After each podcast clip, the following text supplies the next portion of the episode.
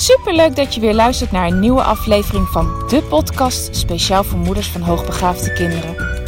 Mijn naam is Eveline Noordzij en in deze podcast deel ik tips en inspiratie, zodat jij meer en meer in jezelf gaat geloven en durft te vertrouwen op je intuïtie. Want jij bent precies de moeder die jouw kind nodig heeft. Hoe ga je om met uitdagende situaties? Wat heeft jouw kind van jou nodig? En hoe zorg je voor verandering in je gezinssituatie door jouw eigen persoonlijke groei? Ik heb er veel zin in om dit allemaal met jou te delen. Dus laten we voor vandaag maar gaan beginnen.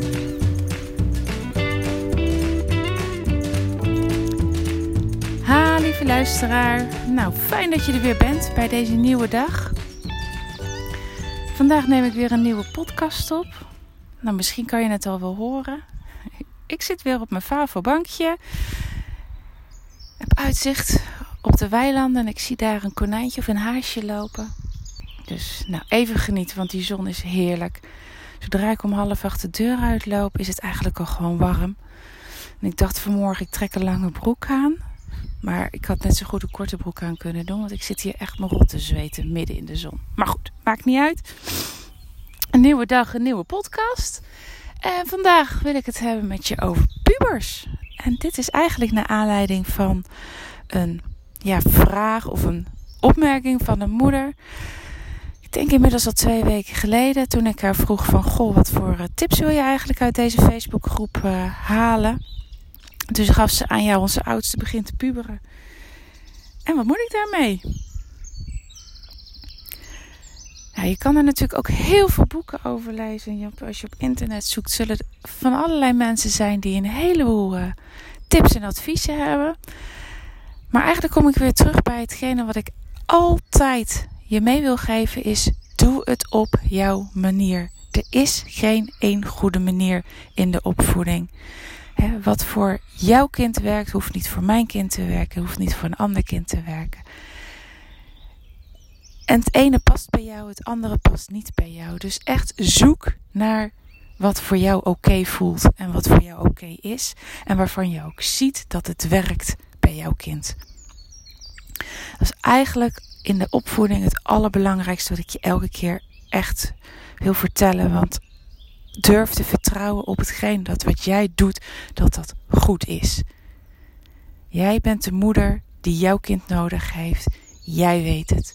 Jij mag daarop vertrouwen.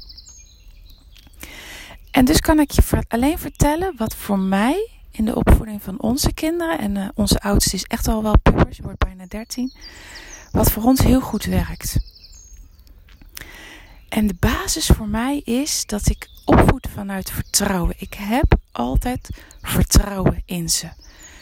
Dus ik vertrouw erop dat, dat zij hun eigen keuzes kunnen maken. Dat zij kiezen voor hetgeen wat oké is. Dat ze niet in zeven sloten tegelijk lopen.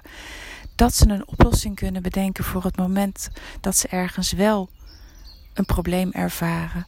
Of dat ze weten wat ze op dat moment kunnen doen, namelijk even mij kunnen bellen. En dat ze die stap ook durven te nemen door op mij te vertrouwen. Dus in de opvoeding van onze kinderen ga ik altijd uit van vertrouwen. Er komt even een vrachtwagen langs.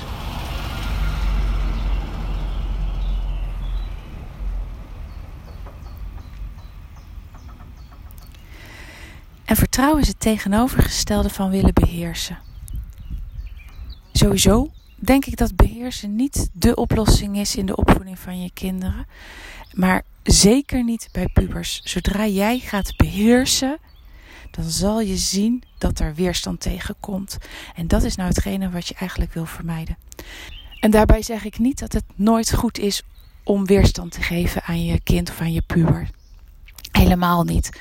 Weet je, ze moeten, het moet af en toe ook schuren eh, tussen jou en je puber. Want daarvan leren ze. Je hoeft ook niet altijd alles oké te vinden. En je mag ook best wel eens een keer hè, een grens trekken. Dat zeg ik allemaal helemaal niet. Maar de basis is vertrouwen en niet beheersen. En op het moment dat jij vanuit dat vertrouwen kan gaan opvoeden, dan zal je ook merken aan jezelf Dat je ze kan gaan loslaten. Dat je ze die vrijheid kan geven waar ze ontzettende behoefte aan hebt. Dat je de ruimte kan geven aan ze om zelf dingen te bepalen. Zelf dingen te ervaren. Maar ook om hun eigen fouten te maken. Eigen fouten maken in deze fase van het leven is zo belangrijk. Want elke fout die ze nu maken. Waarbij ze weer terug kunnen vallen op jou. Waarvan jij ze iets mee kan geven. Dat je ze iets kan leren. Dat ze mogen leren. Ja, alles wat ze nu in deze periode tussen hun 12e en hun 18e, 23e leren. Dat is zo waardevol voor later. Die fouten hoeven ze later niet nog een keer te maken. Want eens komt het moment dat je ze helemaal los moet laten en dat ze helemaal verantwoordelijk zijn voor de keuzes die ze maken, voor de dingen die ze doen. En als ze die basis nu al kunnen leggen in deze periode, is dat zo ontzettend waardevol. Dus eigen fouten laten maken en daarbij wel ervoor ze zijn. En niet in de zin van, tenminste zo is in ieder geval zoals ik het niet doe, van ja, dat is echt wel heel erg dom van je geweest en uh, hoe had je dat kunnen bedenken? Helemaal niet, niet dat veroordelende. Maar elke keer de vraag terugleggend van wat heb je hier dus nu van geleerd?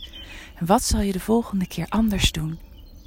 En dan zal je ook merken dat je op basis van gelijkwaardigheid aan het opvoeden bent. En nee, jouw kind en jij zijn niet gelijk. Absoluut niet. Je hebt veel meer kennis, je hebt veel meer ervaring, veel meer levenservaring die jouw kind nog niet heeft. Je hebt daarnaast ook nog een bepaalde verantwoordelijkheid naar jouw kind toe. Dat het uiteindelijk ook een heleboel bagage meekrijgt. Dat is jouw verantwoordelijkheid als ouder. Dus je bent niet gelijk, maar je bent wel gelijkwaardig. En vanuit die gelijkwaardigheid ga je elke keer opnieuw het gesprek aan. In een ouder gesprek kwam dit laatst ook aan bod. Bij een moeder die uh, eigenlijk wel wat struggelt met haar, uh, met haar puberkind. En wat ik haar meegegeven heb, is om elke keer open het gesprek aan te gaan. Dus op het moment dat je iets niet prettig vindt, of als jij iets van jouw puber wil, ga het gesprek aan. Stel open vragen. Ben oprecht geïnteresseerd in de gedachtegang van het kind. En probeer op basis van de informatie die je daaruit haalt ook samen tot een oplossing te komen. En dat samen tot een oplossing komen maakt dat jij ook iets hebt om jouw kind later op aan te spreken als hij zich daar niet aan gehouden heeft. Want het was ook zijn of haar afspraak. En dat is wel iets wat ik altijd naar de kinderen communiceer. Als wij een afspraak maken, dan wil ik ook en dan vertrouw ik er ook op dat je die nakomt. En als het niet lukt om die na te komen, dat je daar met mij over praat. Zodat we daar weer een oplossing met elkaar over, voor kunnen bedenken. Of dat je die zelf die oplossing al hebt bedacht. En open het gesprek aangaan betekent dat je echt open vragen stelt. De wie, wat, waar, wanneer, hoe vragen.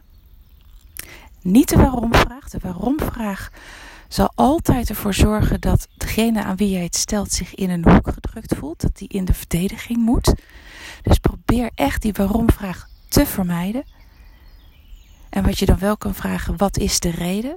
Die is veel opener, veel prettiger, prettiger om te beantwoorden dan waarom heb jij dat gedaan of waarom heb jij die keuze gedaan.